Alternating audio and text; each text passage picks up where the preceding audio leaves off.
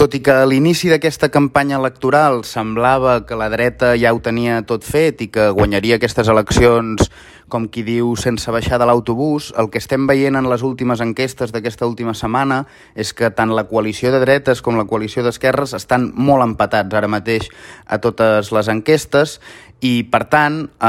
el resultat final anirà de molt pocs vots i es decidirà per molt pocs escons i el que estem veient també en la majoria d'enquestes és que moltes circumscripcions el que farà decantar el resultat cap a un cantó o cap a l'altre serà l'últim escó. I ara mateix l'últim escó en moltes circumscripcions eh, està en joc entre Vox i Sumar. Aquesta és la diferència fonamental i, per tant, aquesta és la importància d'anar a votar aquest diumenge, perquè molt pocs vots poden fer decantar el resultat cap a un cantó o cap a l'altre.